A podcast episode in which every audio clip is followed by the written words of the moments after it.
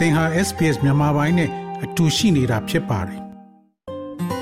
SBS မြန်မာပိုင်းကို အင်ကာနဲ့စနေနေ့ည10:00နာရီမှနားဆင်နိုင်တယ်လို့အွန်လိုင်းကနေလည်းအချိန်မီနားဆင်နိုင်ပါပြီ။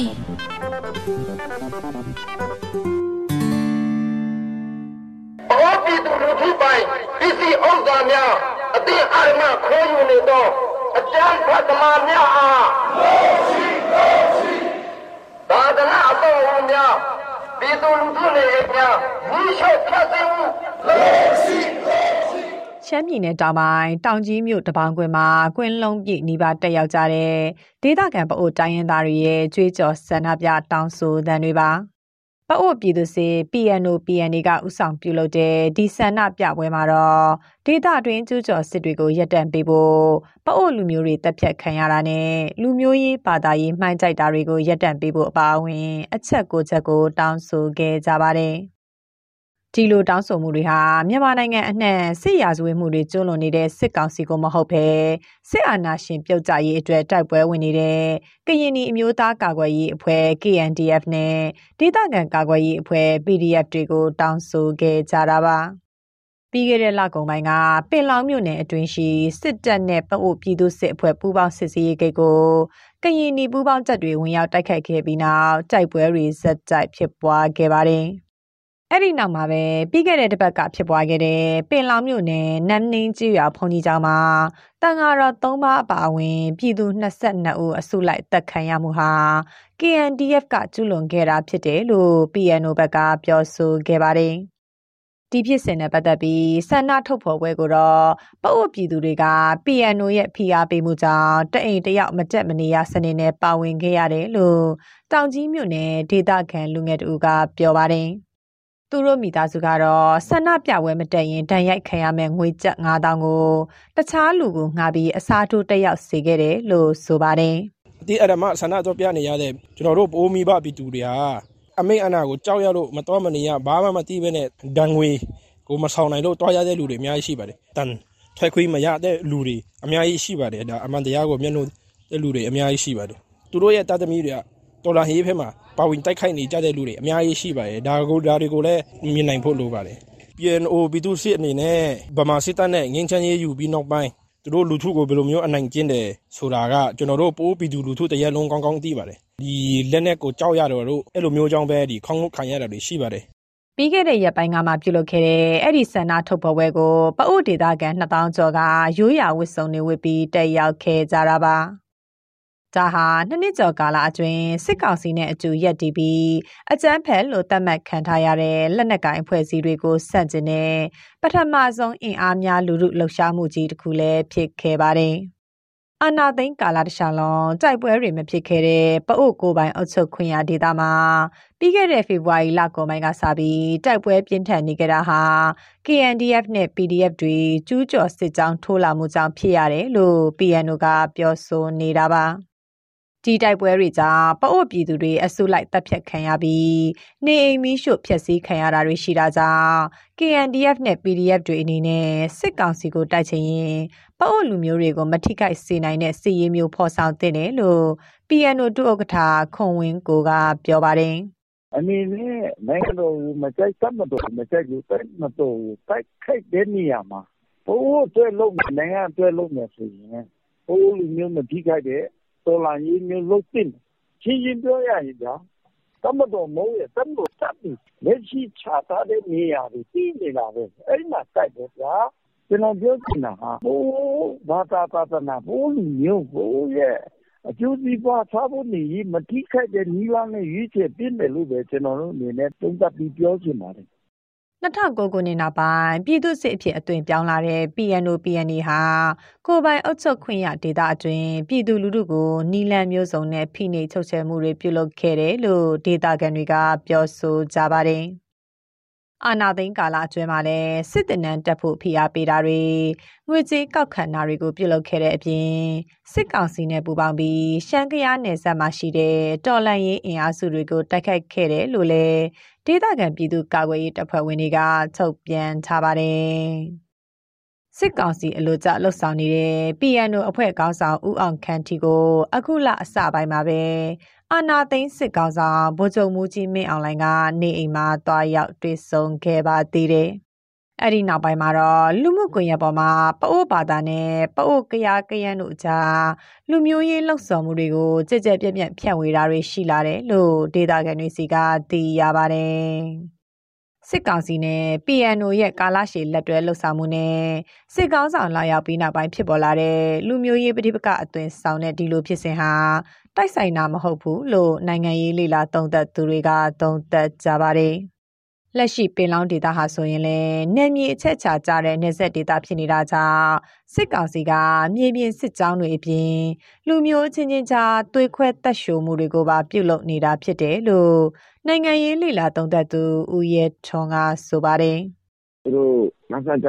ရုံးဆိုင်တဲ့နေပြည်တော်နဲ့အနည်းဆုံးနေရာဖြစ်နေတာပေါ့နော်။အနည်းဆုံးနေရာဖြစ်နေတဲ့နယ်စပ်ပေါ့နော်။နေပြည်တော်နဲ့နယ်စပ်လိမ့်ပြီးလာရောက်ပြီးတော့လှုပ်ရှားတာပြစ်ခတ်တာမျိုးတွေရှိတယ်လို့ကြားတယ်။ တပ်အင်အားအလုံးရင်းနဲ့ဆင်းမလာသေးတာတခုပဲရှိတာပေါ့နော်။အဲ့တော့အဲ့ဒီလမ်းကြောင်းကခိုင်ခိုင်မာမာခံစစ်ပြင်မထားရင်ဒါမှမဟုတ်ခိုင်ခိုင်မာမာကာကွယ်တားဆီးမထားလို့ရှိရင်အဲ့ဒီကနေပြီးတော့တော်လှန်ရေးတပ်ဖွဲ့တွေပေါ့နော်ဝင်ရောက်လာနိုင်တဲ့နေရာဖြစ်လို့အဲ့နေရာကိုနည်းနည်းအာရုံစိုက်ပြီးတော့ကာကွယ်နေတယ်လို့ထင်တယ် ရှမ်းကရနယ်စပ်နဲ့ကရင်နီဒေသအတွင်းနယ်မြေထိန်းချုပ်နိုင်ဖို့စစ်ကောင်စီကအင်အားဖြည့်ပြီးပြီးခဲ့တဲ့ဖေဖော်ဝါရီလလေကစလို့စစ်ကြောင်းထိုးမှုတွေပြုလုပ်လာတာပါ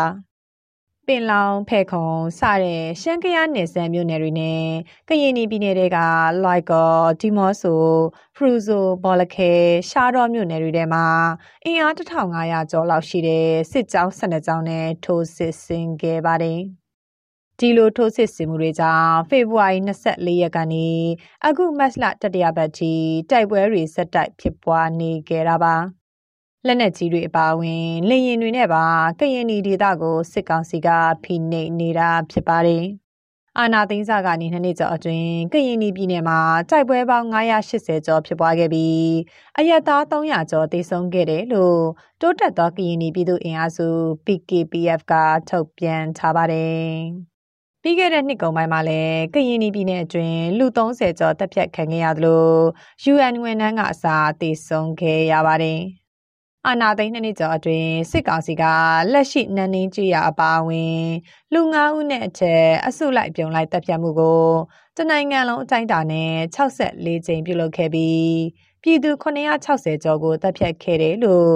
NUG လူအခွင့်အရေးဝန်ကြီးဌာနကပြီးခဲ့တဲ့ရက်ပိုင်းမှာပဲထုတ်ပြန်ထားပါတယ်။ ကရင်ပြည်နယ်အစိုးရအဖွဲ့ပြည်ထရေးဝန်ကြီးခူးကြီးရယ်ကတော့အခုလိုလူမျိုးတုံးရေးဖြစ်စဉ်ကိုဦးတည်နေတဲ့စစ်ကောင်စီလုပ်ရက်ကိုတက်နိုင်တဲ့လောက်ခုခံကာကွယ်သွားမယ်လို့ဆိုပါတယ်ကျွန်တော်တို့ပြည်နယ်မှာက PDF တို့ KDF တို့တော့ကျွန်တော်တို့ကခုခါအားကောင်းတယ်လို့ပြောမှာပေါ့ဆိုတဲ့ခါကျတော့ဆိုတော့အဲ့ဒါကိုမဲပြီးတော့မှဆုံးနေနေဖို့သူတို့ကအဲ့လိုတွေ့ဖို့ရတယ်ပေါ့သူလှုပ်ဆရာရှိတာသူလှုပ်မှာလေဘယ်လိုဒီထက်ပိုဆိုးတဲ့ လုပ်ရမျိုးလုပ်လာမလဲဆိုတော့ကျွန်တော်တို့ခမ်းမလို့တော့မရဘူးပေါ့ဒါပေမဲ့သူတို့လို့ဆိုမြကျွန်တော်တို့လည်းတန်းနေလောက်ခုခါကကွယ်သွားမှာပဲလို့အဲ့လိုပဲကျွန်တော်ပြောရလို့ဒီကျွန်တော်တို့ကတော့ဟိုဘောနိပေါခုနေစကျော်ဘောမှာ KPP နေနဲ့ဆိုဆွဲရှိနိပေါခုနေစကျော်ခုခါကကွယ်လာခဲ့ပြီလေဆိုတော့အပြုတ်တိုက်မယ်လို့ပြောပြီးမှဟိုတခါမပြုတ်နိုင်ပါဘူးဒါလည်းကျွန်တော်တို့ဟိုလူထုတွေကထောက်ခါလို့လူထုတွေက ကူညီဖေးမလို့ကျွန်တော်တို့လည်းဘယ်လိုချထားတဲ့မူအတိုင်းမမမမရစီလို့ဒီတော့ချီရှိချီရစီနိုင်တယ်လို့ပြောလို့ရတော့ပေါ့တိုက်ပွဲတွေအတွင်းစစ်ကောင်စီတပ်ဖွဲ့ဝင်တွေအထိနာနေတာကြောင့်စစ်ကောင်စီတူဥက္ကဋ္ဌဒုတိယဗိုလ်ချုပ်မှုကြီးစိုးဝင်းကကရင်ပြည်နယ်ကိုမတ်လ15ရက်ကလာရောက်ပြီးတပ်မိသားစုဝင်တွေနဲ့တွေ့ဆုံခဲ့ပါတယ်။မြေပြင်စစ်ကြောင်းတွေအတွက်သူကိုယ်တိုင်အနီးကပ်လာရောက်ပြီးတိုက်တွန်းပြောဆိုမှုတွေပြုလုပ်ခဲ့တာပါ။ ပင်လောင်းဖြစ်စဉ်နဲ့ပတ်သက်ပြီးလူမျိုးတုံးတပ်ဖြတ်တယ်လို့ဆွဆွဲခံနေရတဲ့ KNDF ဘက်ကတော့ညှင်းဆိုထားပါတယ်။စစ်ကောင်စီတပ်နဲ့ PNA ပြည်သူစစ်ပူးပေါင်းစစ်ကြောင်းကသာကျူးလွန်ခဲ့တာဖြစ်တယ်လို့ကရင်နီတိုင်ပင်ခံကောင်စီ KSCC နဲ့အမျိုးသားညီညွတ်ရေးအစိုးရ NUG တို့ပူးပေါင်းကပြီးခဲ့တဲ့ရက်ပိုင်းကသတင်းစာရှင်းလင်းပွဲမှာဖြေရှင်းခဲ့ပါတယ်။ အိုတန်ကတော့သုံးပါနဲ့ပြည်သူတွေအစုလိုက်ပြုံလိုက်တပ်ဖြတ်ခံရတဲ့ရုပ်လောင်းတွေပေမှာမြန်မာစစ်တပ်ကထုတ်လုပ်တဲ့5.56ကြီးကွန်တွေကိုမှတ်တမ်းဓာတ်ပုံတွေနဲ့တကွတက်သေးပြခဲ့ပါတယ်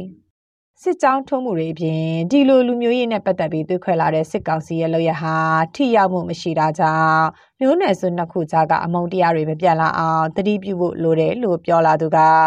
ပတ်ဝတ်မျိုးသားဖက်ဒရယ်ကောင်စီ PNFC ဥက္ကဋ္ဌခွန်မြင့်ထော်မာ တော်လှန်ရေးတပ်ပေါင်းစုတွေမှာကျွန်တော်တို့ပိုးအိုတွေကကရင်ရောကရင်နီရောပိုးရောကျွန်တော်တော်လှန်ရေးတပ်ပေါင်းစုတွေမှာအတူတကွပေါင်းခဲ့ကြတာဖြစ်ပါတယ်။သွေးရင်သားရင်မောင်နှမရင်တွေဖြစ်တယ်လို့ကျွန်တော်တို့အပြန်လှန်ခံယူယုံကြည်ရည်တည်ကြတဲ့သူတွေဖြစ်ပါတယ်။ PNO ဆိုတဲ့ဥဆောင်အဖွဲ့အစည်းကတော့နိုင်ငံရေးပါတီဖြစ်ကိုပြောင်းလာတာဖြစ်ပါတယ်။နောက် PNA တက်ကတော့ပြည်သူစစ်ကိုပြောင်းလာတာဖြစ်ပါတယ်။ PNO PNA နဲ့ကျွန်တော်တို့ပိုးပြည်သူတွေကို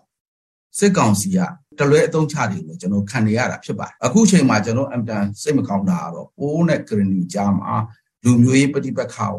ဘာသာရေးပဋိပက္ခတွေရောစစ်ကောင်စီကဒါကောက်ကျစ်စွာနဲ့ဖန်တီးတာဖြစ်ပါတယ်ပိုးရှိရင်ကရန်ရှိတယ်ကရန်ရှိရင်ပိုးရှိတယ်အထူးသဖြင့်ကရန်တိုင်းရင်းသားများနဲ့ကျွန်တော်တို့ပိုးတွေဟာအတူတကွကျွန်တော်တို့မောင်နှမတွေအနေနဲ့မိသားစုတွေနဲ့ဒီလိုဆောင်ရွက်နေကြတာဖြစ်ပါတယ် တိုင်းရင်းသားလူမျိုးတွေကြားဘာသာကြားတွေကြားသွေးခွက်တက်ရှုံမှုတွေနဲ့အုပ်ချုပ်လေးရှိတာ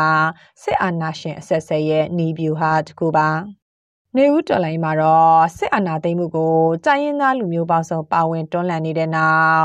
လက်ရှိပအိုးနဲ့ကရင်နီတိုင်းရင်းသားတွေကြားသွေးကွဲစေမဲ့စစ်တပ်ရဲ့ကြော်ကွင်းနဲ့မကြရောက်ကြဖို့ကိုပဲပြည်သူတရက်လုံးကလိုလားနေကြတာပါ ဒီသတင်းဆောင်မကိုတန်လွင်ခက်ကပေးပို့ထားတာဖြစ်ပါတယ် SBS မြန်မာပိုင်းကိုနားဆင်ရတာနှစ်သက်ပါတလား Facebook မှာဆွေးနွေးမှုတွေကိုဆက်ကြရအောင်ပါ SBS မြန်မာပိုင်း Facebook ကို like လုပ်ပြီးတော့သင်ချင်တဲ့ချက်ကိုမျှဝေနိုင်ပါတယ် SBS Bemis ကို Facebook မှာ share ကြည့်နိုင်ပါတယ်ရှင်